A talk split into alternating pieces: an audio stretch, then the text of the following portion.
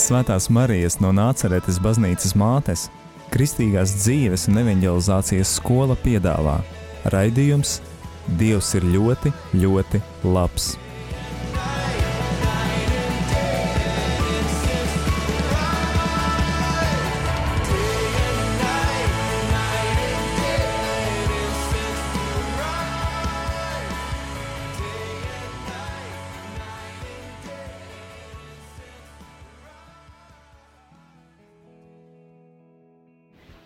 Čau visiem atpakaļ pirmdienā.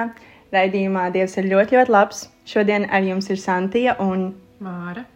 Jā, jā Māra šodien ir šeit ar mums, lai sniegtu savu liecību par to, kā viņa atrada darbu Radio Marija Latvija, ko viņa darīja pirms tam un uh, kā viņas dzīve un, un Dievs tajā izskatās šobrīd. Māra varbūt vēlēs nedaudz pastāstīt par sevi.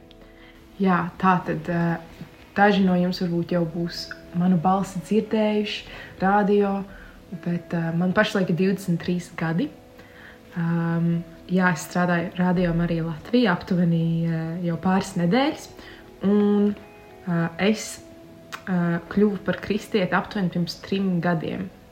Un šie trīs gadi ir bijuši ļoti ļoti pārpo, pārpildīta ar dažādiem projektiem, ar uh, dažādiem piedzīvojumiem, ar uh, kalniem un lejām, bet tas ir viss bijis ļoti, ļoti vērtīgi. Uh, bet nedaudz tieši par mani.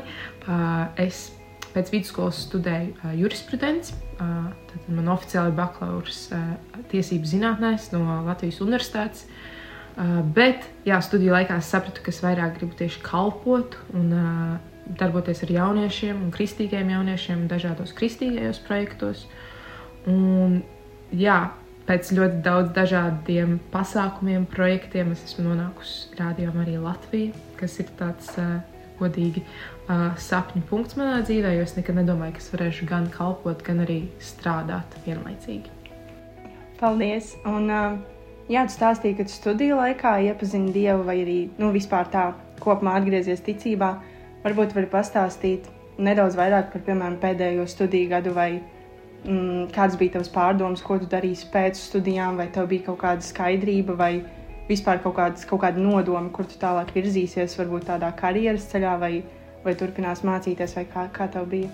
Jā, nu man jau principā uzsākot studijas, es, eh, es zināju, ka es visticamāk nebūšu eh, jurists vai, vai eh, advokāts, vai nu, kas nestrādāšu tajā nozarē, bet uh, es pēc vidusskolas īsti nezināju, ko es vēlos tieši darīt.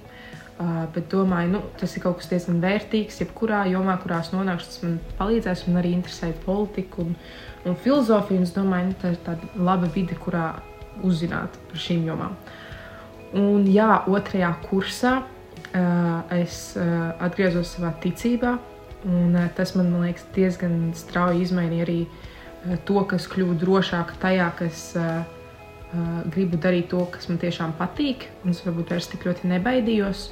Iepriekš es uh, varbūt gribēju kaut ko darīt tādu nopietnu un, un, un stabilu, un uh, kaut kas, kas arī nes diezgan daudz ienākumus, bet uh, tad, kad es nonācu ticībā, es sapratu, ka man tas tomēr nav tik ļoti svarīgi, kā man likās. Un svarīgāk ir tieši darīt to, kas man uh, aizdedz sirdi. Un, Jā, tās nonācu vienā superīgā projektā Celsmes un Celsim, kas īstenībā, īstenībā tā bija pirmā vieta, kuras arī uzzināju par rādījumu arī Latvijas. Pirms tam nebija īsti dzirdējusi par to. Un, jā, tur es iepazinu arī ļoti daudz savus mentorus un, un cilvēkus, ko es uzskatu par tādiem vadītājiem savā dzīvē, un arī ļoti daudz draugus, kas man arī ir šobrīd. Un, Jā, bet pēc uh, augstskolas arī īsti nezināju, ko es vēlos darīt. Uh, tas arī bija uh, Covid laikā, kad bija ļoti, ļoti daudz pārdomas vispār par dzīvi, ne tikai uh, garīgajā ziņā, bet vispār neviens īsti nezināja, kas, kas notiks, vai dzīve vispār uh, atgriezīsies tādā pēdiņās normālā režīmā. Un, jā, tā kā man nebija nejausmas, un uh, es tikai, tikai pēc absolvēšanas, aptuveni kādu pusgadu pēc tam, uh, vai pat nedaudz vairāk, eh, izlēmu, ka es vēlos kalpot, ka tas ir tas, ko es eh, darīšu arī turpmāk dzīvē, vai vismaz līdz brīdim, kad Dievs man vadīs kaut kur citur. Bet jā, tas bija šī gada februāra beigās, kad sapratu, jā, kalpošana un kalpošana arī tieši lielā mērā jauniešiem ir tas, ko es vēlos darīt. Ļoti, ļoti skaisti. Es zinu, ka arī pēc savām studijām tu ļoti, ļoti daudz darbojies brīvprātīgi arī tajā pašā projektā, kurā, kuru tu pieminēji, celsimies un celsim. Um, un es zinu, ka tev pēc tam vēl kaut kādā, kad mēs iepazināmies, es atceros, tev bija tāds posms, kad tu strādāji kaut kur, bet es, nu, man bija tāds veids, ka tev tas varbūt īsti nenes piepildījumu. Varbūt var pastāstīt, kā tu vispār nonāci līdz tādam lēmumam. Nu, protams, viens ir uh, ienākuma avots, bet varbūt, varbūt tev bija tāds me meklēšanas periods, kurā tu patiesībā meklēji, nu, jā, pirmkārt ienākumu avotu, bet arī kaut ko, kas tev nesīs piepildījumu. Un, un, un kā tu saprati, ka tas nav priekš tevis un kā tev vispār dzīve pagriezās pa 180 grādiem? Jā, uh, jā tas es uh, kādu brīdi strādāju, it īpaši pēc studijām. Lielākoties strādāju brīvprātīgi, tīpaši, ja tie bija krist, kristīgie projekti, uh, kas man man liekas, bija ļoti, ļoti svarīga tajā brīdī, uh, ko es varbūt tajā brīdī neapzinājos. Uh, jo tas nebija tāds lēmums, ka es tagad strādāšu brīvprātīgi, bet tā vienkārši bija tajā, tā situācija tajā brīdī. Un, protams, bija kaut kādas haltūriņas, bet uh, mans, mana prioritāte tajā brīdī bija tieši brīvprātīgais darbs, kas uz pāris mēnešiem bija ok. Uh, tos varēja arī praktiskā ziņā apvienot ar visu, bet jā, pienāca brīdis, ka es to vairs nevarēju. Jā, tieši kā tu teici, tas ienākuma avots tomēr bija vajadzīgs. Un, jā, es izlēmu, nu, labi, kaut kā nenāk neviens kaut kāds projekts, nenāk nekāds tāds darbs, ko es tiešām gribētu darīt, kas būtu sirdslieta. Nu, es paņemšu kaut ko tādu stabilāku un, un tad centīšos tā kā visu apvienot. Un, man liekas, tajā darbā nostrādāju kādu mēnesi, nedaudz vairāk, un es vairāk nevarēju izturēt, jo tiešām uh, bija ļoti, ļoti daudz. Es arī papildus darīju, man bija daudz kalpošanas tajā brīdī, arī papildus darbs, papildus arī haltūriņas. Un uh, vēl visādas vienkārši citas lietas, gan dziedāju korī, gan uh, gāju dejās. Nu, man bija vienkārši par daudz, un jau stuvojos uh, tam izdegšanas punktam. Un, uh, bet uh, es ļoti novērtoju to, ka es aizgāju pie sava mentora, kas man tajā laikā bija. Uh, Un es prasīju viņai, tāds, ko man darīt. Nu, man ir visas šīs lietas, un es nevaru saprast, kā man kaut kas ir jāatmet. To es sapratu. Un it kā loģiskākais būtu bijis atmest uh, uh, to, kas nenes ienākumus, nu, lai tu vari tā sevi um, atbalstīt un, un tā, jo tas tomēr ir svarīgi. Bet es kaut kā tik ļoti spēcīgi izjūtu to dieva aicinājumu, tomēr um, uh, pamest darbu un, un iet tādā pilnā, pilnlaika kalpošanā, kas uh, nebija viegli. Es atceros, man arī ģimene tā nedaudz nošķījās. Viņam bija tāds, nu, māris, nezinu, vai tas ir pareizais lēmums, ko es arī ļoti saprotu. Man visticamāk arī būtu bijusi tāda reakcija, ja mans bērns pēkšņi pateikt, zini, es pašlaik nestrādāšu, es iešu brīvprātīgā darbā visu laiku. Bet uh, tas noteikti bija pareizs lēmums, bet tas bija diezgan tāds, uh, jā, traks lēmums īstenībā. Uh, jo es atceros par to brīdi, sākās viena nometne, oāzes nometne, nākamajā nedēļā, svētdienā, man liekas, vai pirmdienas rītā. Un, uh, man tajā nedēļā īstenībā bija plānots būt darbā, tā bija vienkārši parasta darba nedēļa. Un es to biju izlēmusi ceturtdienā, ka es gribu kalpot. Piektdienās uh, iesniedzu darba atlūgumu, un tas bija pat nevis ar mērķi, lai es varētu būt tajā nometnē, bet zināju, ka tā nometne būs ļoti, ļoti īpašs, un tas būs tāds starta punkts manam kalpojumam visu laiku. Tāpēc, jā, tagad skatoties apkārt, tas liekas ļoti, ļoti traki. Ceturtdienu izlemt, tad piekdienas rakstīt atlūgumu, un tad jau svētdien būt kaut kur, ko tu zini, ka tas ir tev sirdī tūs. Bet jā, kopš tā laika, kad veicu tādu apzinātu lēmumu, viss ļoti tā kā ritenis gāja uz priekšu. Man jau bija nākamie projekti, kur arī bija kaut kāds finansējums, un uh, viss bija sarindots kaut kā pa mēnešiem. Vienīgais, kas kurš mēnesis man šajā gadā bija brīvs, bija oktobris. un oktobris tuvojās un tuvojās. Es domāju, nu labi, nekā nav. Bet tad jā, parādījās vakants rādījumā arī Latvija. Ah, jā, nu es tā esmu. jā, tas patiesībā man šķiet pats garākais un interesantākais stāsts. Jo zinu, ka tu, protams, mūsu klausītāji varbūt to nezina. Uh, bet jā, es zinu, ka tu gāji cauri tādam, tādām ļoti lielām pārdo, pārdomām un šaubām un, un ļoti daudz iedrošināšanai no apkārtējiem, bet arī noteikti tu, tu, tu noteikti daudz runāji arī ar Dievu un, un prasīji viņa vadību tajā. Uh, jo es zinu, ka tas, tas noteikti nebija viegls lēmums tev vispār pieteikties. Kaut gan cik daudz ir tas darbs, nu tur pieteikties kādai vakancei un darbam. Jā, pieteikties ir viegli. Jā. vienkārši aizsūtīt e-pastu, kaut arī dažreiz arī tas ir sarežģīti saņemties. Jā, bet um, kā tu apmēram varbūt, varbūt vari ieskicēt, um, kā tu vispār atradi pirmkārt šo, šo iespēju, šo vakanci, un, jā, un kas tev nu, ne tikai pamudināja pieteikties, bet uh, kas bija tie faktori un, un tās nu, pārdomas. es kas kaut kad biju pamanījusi, ka, ka ir vakants, bet es par to īsti neaizdomājos, jo kaut kā tas pat nu, nezinu, ne, nevis nelikās kā variants, bet um, nu, jā, tajā brīdī man bija daudz citas kalpošanas. Un, uh, likās, ka nu, man pašlaik tas nav, nu, es nemeklēju aktīvi tajā laikā darbu. Bet uh, es biju jauniešu dienās, pasaules jauniešu dienās. Un es atceros, mēs braucām autobusā, un man uh, viens cilvēks atnāca klāt un teica, ka Klaumāra ir vakants, tev ir jāpiesaista. Tā kā viņi nolasīja man uh, visus tos darba pienākumus, viņiem bija tāds, šis, šis izklausās pēc tevis. Es galīgi nebiju pārliecināta. Man tāds, nu, es nezinu, man tur neatbilst visiem kritērijiem un tā. Un, un uh, ir cilvēki, kas daudz ilgāk ir bijuši brīvprātīgi un tā. Un man, liekas, man liekas, ka nebūs. Un tad un otrs cilvēks pienāca klāt un arī teica, nu, tev vajag pieteikties. Un tad vēl trešais cilvēks, kurš īstenībā bija strādājis radio. Uh, jā, un, un man liekas, nu labi, ja man tik daudz cilvēku saka, tad nu, vismaz, vismaz viņu dēļ, lai viņi vairs mani netramdē, es aizsūtīšu pieteikumu. Tad es atceros, autobusā pat sāku rakstīt savu uh, CV, uh, papildināt, ko es nebiju darījis kādu laiciņu, es biju kalpojusi un tā. Un, um, jā, es pieteicos. Un, jā, arī daudz lūdzos tiešām tagad vispār pirms tādiem lieliem dzīves lēmumiem, bet arī, arī ikdienā, ja ir kaut kāds lēmums, kurš nevar īsti saprast, ko man darīt, tad, uh, tad es tiešām pirms tam lūdzos, lai, jā, neatkarīgi no tā, ko es izvēlos, lai tiešām būtu dieva vadība. Un tas ir uh, nu, ļoti nesis augus, jo es zinu, ka pat neatkarīgi no tā, vai es uh, izvēlos pēdējās pareizo, pareizo izvēli, ka Dievs izmantos to jebkurā gadījumā. Un, uh, jā, tas bija tā ļoti, ļoti jauki, ka uh, draugi tieši iedrošināja, jo man liekas, pati nebūtu tad, uh, bijusi pietiekami pārliecināta pieteikties. Bet uh, es esmu ļoti priecīga, ka viņi to darīja un ka viņi turpina man iedrošināt arī, arī ikdienā un arī ikdienas darba pienākumos, ka, jā, ka man viss šī vide ir ļoti, ļoti jauna, bet uh, man tiešām viss tā atbalsta un tas ir ļoti nozīmīgi. Jā, es pat pati varu liecināt, ka, ka jā, tu esi daudz, daudz priecīgāk un laimīgāk.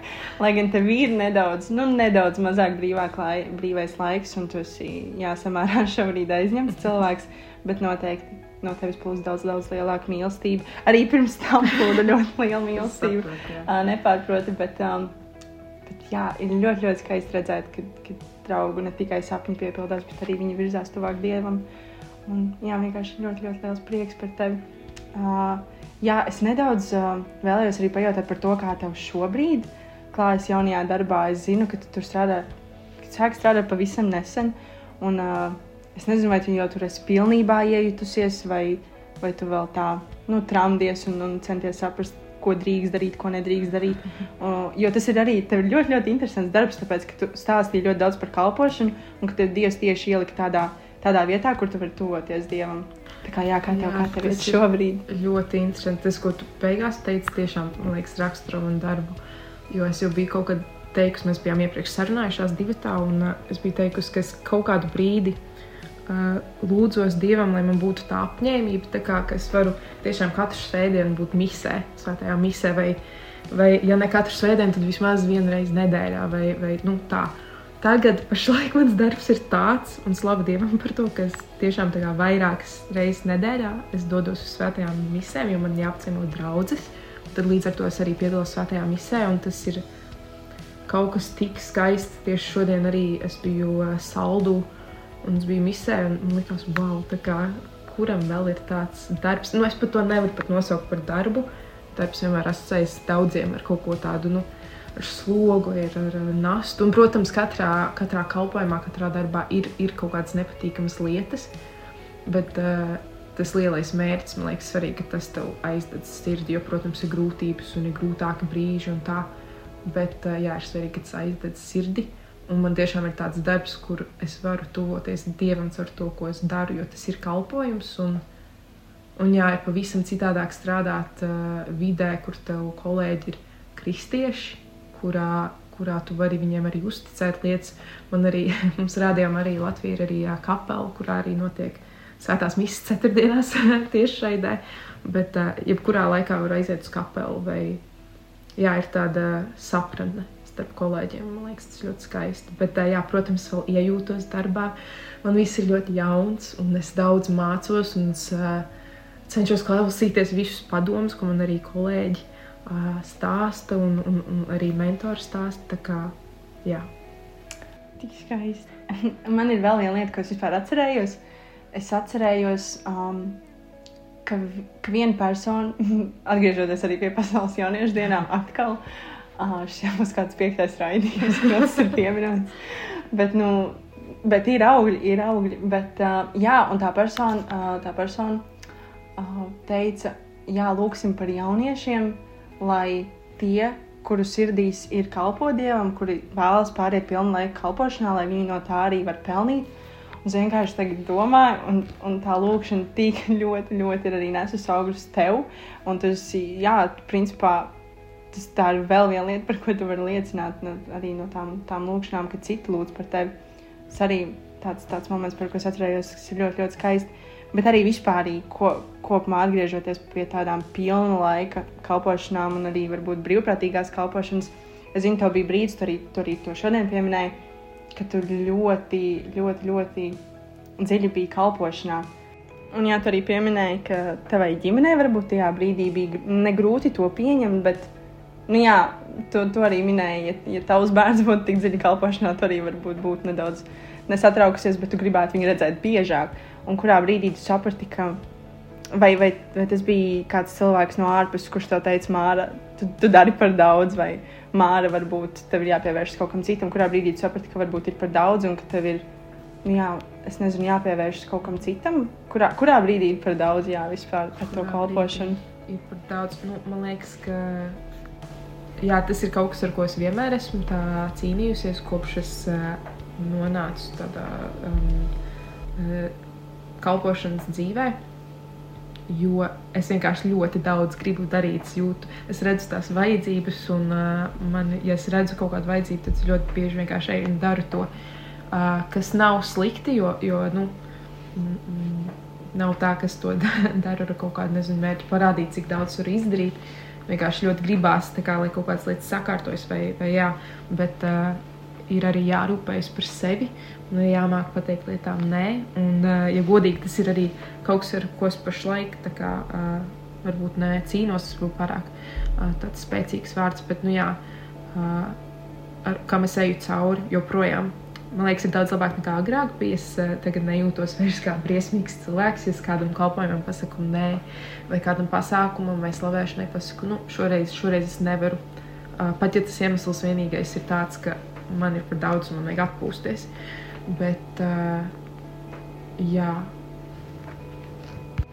Bet uh, noteikti brīdis ir, ja kā, kādi citi jau to sāk pamanīt, tad noteikti ieklausīties tajos cilvēkos. Zinu, ka ļoti daudziem kalpotājiem šis ir izaicinājums. Jo it īpaši jauniešiem, jo mums ir tāda ļoti liela liekas, deksme, varbūt uh, dažreiz tāds um, pozitīvā ziņā naivums, ka mēs gribam iet un darīt, un neviens mums neapstādinās. Mēs esam tādi spītīgi, tādā labā ziņā dažreiz. Bet ir ļoti jā, jāuzmanās no izdegšanas. Un, jā, daudziem kalpotājiem grūti pateikt nē. Un, bet, jā, ja kāds cits jau sāk to pamanīt, draugi vai mentors vai, vai ģimene, uh, tad noteikti tajā jāieklausās. Jo tad, kad, ir, uh, kad tu esi izdevies, tad jau ir par vēlu. Vislabāk ir uh, to pamanīt jau, kad tas sāk notikt. Man personīgi, kad es jūtu to izdegšanu, tas bija, bija ļoti liela tāda atmiņas zuduma īstenībā. Es pēkšņi aizmirstu kaut kādas tikšanās reizes ar cilvēkiem, kas man ir ļoti neraksturīgi. Tie, kas man pazīst, es vienmēr atceros pilnīgi visu.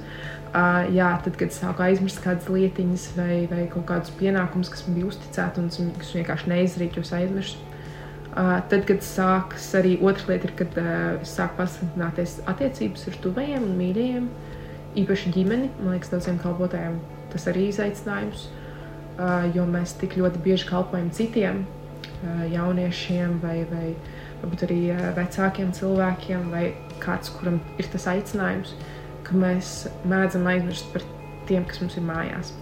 Un, jo godīgi tas arī ir kaut kas, ar ko es pašlaik uh, cīnos, cenšos atrast laiku pilnīgi visiem.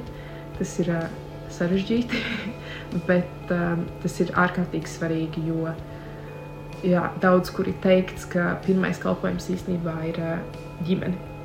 Uh, un, un uh, mātei Terezai arī tāds citāts.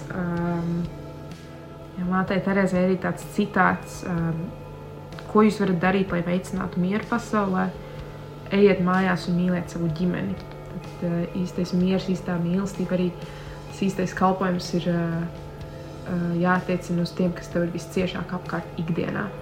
Un jā, tajā brīdī, kad uh, kaut kādas attiecības sāk uh, pasliktināties, ir kāds saspringzinājums, Un, eh, nu, kad viņš ir ievērojami lielāks, nerunāju par kaut kādiem varbūt ikdienas, uh, ikdienas, ikdienas kašķiem vai kaut ko tamlīdzīgu, bet jā, tad, kad ir uh, pasliktinājušās attiecības vai at, atsvešināšanās, tad ir vērts pastīties, tā iepauzēt uz mirkli un būt ļoti, ļoti atklātam pret sevi un tiešām prasīt Dievam to padomu, kā, kā rīkoties un kā uzlabot tās attiecības, jo jā, mēs varam daudz ko ņemt arī par pašsaprotamu Jā, un uh, vai tu teiktu, ka tavs pašreizējais darbs, uh, radio, vai tu teiktu, ka tas tevi tuvina ģimenei, vai tu teiktu, ka tev ir uh, vairāk laika savai ģimenei, vai, tu, tu, vai ka tu pievērstu vairāk laika savai ģimenei kopumā?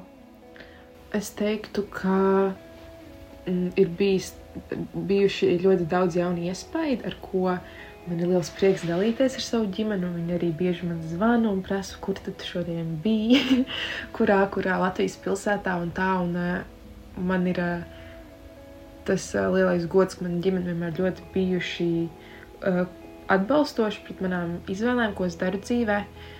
Protams, nu, viņi jā, bija satraukušies varbūt tajā vienā brīdī, bet tas bija tā mīlestībā. Viņi vienkārši vēlējās, lai man ir labi. Un, tas nebija tādā sliktā ziņā vai neatbalstošā ziņā. Viņi tāpat ļoti atbilst, atbalstīja, ko es daru. Un, tas man vienmēr bijis ļoti nozīmīgi. Bet, nu, protams, tad, kad ir jauna vide, jauns sākums, kāda vai jauna sezona dzīvē, tad, protams, varbūt ir mazāk laiks kopā ar mīļajiem, tuvajiem. Bet, uh, bet jā, mēs cenšamies cik vien bieži arī sazvanīties, kas ir uh, ļoti svarīgi ķert tos arī maziņos mirkļus. Protams, varbūt tā kā viņi arī nedzīvo Rīgā uz vietas, tad varbūt grūtāk viņus satikt. Bet uh, jā, dažreiz tā ir vienkārši mm, īsa īziņa vienkārši mā, no mammas, labrīt, un tad uzrakst labrīt atpakaļ. Un varbūt tas ir pat viss, ko mēs tajā dienā uh, sarakstamies, bet uh, nu, mēs zinām, ka mēs par vienu otru domājam. Bet, eh, jā, es cenšos tā aktīvi arī dažreiz aizsūtīt kādu bildi vai, vai pastāstīt kaut kādu smieklīgu atgadījumu, kas notika tajā dienā. Bet, eh, bet jā, protams, eh, es domāju, ka arī varētu vairāk, ja tā pavisam godīgi. Man liekas, es arī būt atklātiem. Es varbūt nevienmēr izrādu to, cik ļoti es mīlu savus tuviniekus. Un, jā, bet tā, tā ir arī atziņa, ko es dabūju jauniešu dienās, kuras mēs atkal pieminam. Bet jā, tā ir atziņa, ko es dabūju no jauniešu dienām, no šīs svētceļojuma, ka man ir tiešām jāpievērš, aktīvi jāpievērš uzmanības vai ģimenei. Un tad tos arī cenšos darīt. Jā, un arī izklausās, ka viņiem sirds var būt un prāts ir mierīgāks par, par tevi šobrīd, kad tu, kad tu esi atradusi tādu jauku un stabilu darbu, un, un arī, ka tas ir tavs kalpojums, ka tas ir, ka tie ir divi vienā, nu daudz kas vairāk vienā. Un, uh, jā, kāpēc to jautājumu vispār jautāju? Es vienkārši domāju, vai, vai Dievs tevi kā, mm, vadīja šajā darba izvēlē, mm, lai padarītu tavu ģimeni mierīgāku, nu, ģimenes sirdis un, prāt, ģimenes sirdi un prātus mierīgākus. Um, nevis, nevis tikai jā, tev mm, kā kalpojumu, lai tu, lai tu vari darīt to, ko tu vēlies un to, par ko tev sirds deg. Jā, es par to nebiju īstenībā tā aizdomājusies, bet tagad, kad tu tā iemanies, man liekas, pavisam noteikti. Nu, um, dieva, uh, dieva tāda nu, svētā gara augļa ir miers, prieks, mīlestība. Un, ja tiešām ir tas miers, tad var saprast, ka tas ir no dieva.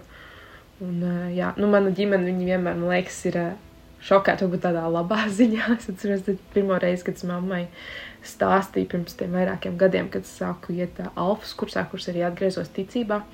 Ka pirmo reizi, kad viņi uzzināja, ka alfas kursā, viņi bija ļoti tā, nu, patīkami šokēti, jo uh, vidusskolas laikā un pirmā kursa laikā es noteikti teiksim, tā, nedzīvoju pēc kristīgām vērtībām. Man bija ļoti daudz arī tādas dziļas sāpes sirdī. Un, um, jā, es biju vidusskolā diezgan liela tusētāja, tie, kur mani pazina, joprojām pazīst no tiem laikiem.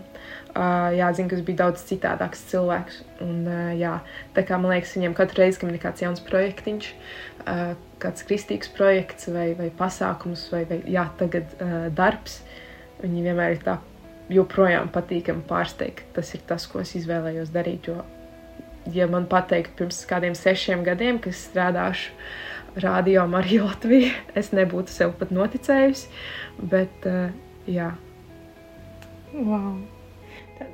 Viena tāda ļoti, ļoti spēcīga liecība. Un varbūt ar tādu nelielu skatu nākotnē, kā tu vispār sāredzi sevi un un varbūt ne, ne tikai tādā karjeras, mm, karjeras sfērā, bet varbūt arī brīvprātīgajā darbā, ko, ko tas vēl joprojām tev nozīmē, cik lielā mērā tas tev kaut ko nozīmē, un, un jā, vai tev ir, vai tev ir kaut kādi plāni arī tam? Es uh, esmu iemācījusies, ka ir labi plānot, bet ir labi arī atstāt pietiekami daudz vieta, uh, vietu, lai Dievs varētu darboties tavā dzīvē. Ja tu saplāno visu pa plauktiņiem, visu pa mēnešiem, vismaz manā, manā situācijā, ja tu visu saplāno tā ļoti, ļoti sīk smalki, tad uh, dažreiz ir vilšanās, jo tavs plāns nav izdevies, un tad tu brīnies, kāpēc neesi tik laimīgs, jo tu neesi ļāvis Dievam darboties. Un, um, jā, es uh, vienmēr esmu tā diezgan um, pa plūsmu gājusi. Protams, ir kaut kādi, kaut kādi uh, dzīves, varbūt mērķi vai kaut kādas vēlmes, piemēram, būt ģimenes cilvēkam, būt mammai kādā, kādā brīdī dzīvē, bet es tiešām uzticos Dievam. Un, uh, jā, man ir, protams, tās sfēras, kas man ir svarīgas. Esmu radošs cilvēks, un man ļoti interesē arī literatūra un, un, un, un viss radošais, un arī humanitārās zinātnes. Tas ir noteikti kaut kas, kas man paliks vēl ilgu laiku. Uh, un, un arī, protams, jaunieši. Jaunieši man vienmēr ir bijuši kopš kalpošanas sākuma kaut kā ļoti tuvu manai sirdī. Un, uh, vai nu tas ir kādās nometnēs, vai arī kādos pasākumos, vai slavēšanās, vai nezinu, varbūt tas būs lielākā vai mazākā mērā, bet man liekas, man tas vienmēr būs ļoti svarīgi kaut kādā veidā iesaistīt jauniešus manā kalpošanā.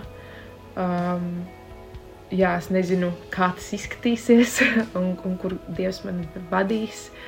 Bet uh, jā, jaunieši noteikti vienmēr uh, lielākā vai mazākā mērā būs viena no prioritātēm dzīvē. Wow! ļoti, ļoti skaisti. Um, jā, nē, savu, man, man ļoti, ļoti rezonē tas, ko teici par tiem, par tiem plāniem un par to, ka nevajag labi, plānot ir labi, bet nevajag arī izplānot katru sekundi savā dzīvē. Mm Jā, tāpēc es arī esmu iemācījusies, um, pat ja tu kaut ko saplāno, um, arī tā, tā, tām, tām pašām sekundēm, minūtēm. Uh, Dievs vienkārši pats atradīs veidu, kā, kā sevi ielikt tajās minūtēs un sekundēs. Un, uh, un jā, beigās tāpat notiks viņa prāts vienā vai citādākā veidā. Um, jā. Jautājums vienkārši ir to, cik ļoti, ļoti mēs viņam uzticamies un cik ļoti mēs ļaujam viņam saplānot kaut ko mūsu vietā, varbūt. Mm. Jā, paldies, tev, Lielas Māra, ka tu šodien biji šeit un ka tu dalījies ar savu liecību. Es ticu, ka noteikti tas kādu iedvesmoja, jo man tas iedvesmoja. Un, jā, varbūt tev ir kāds novēlējums mūsu klausītājiem.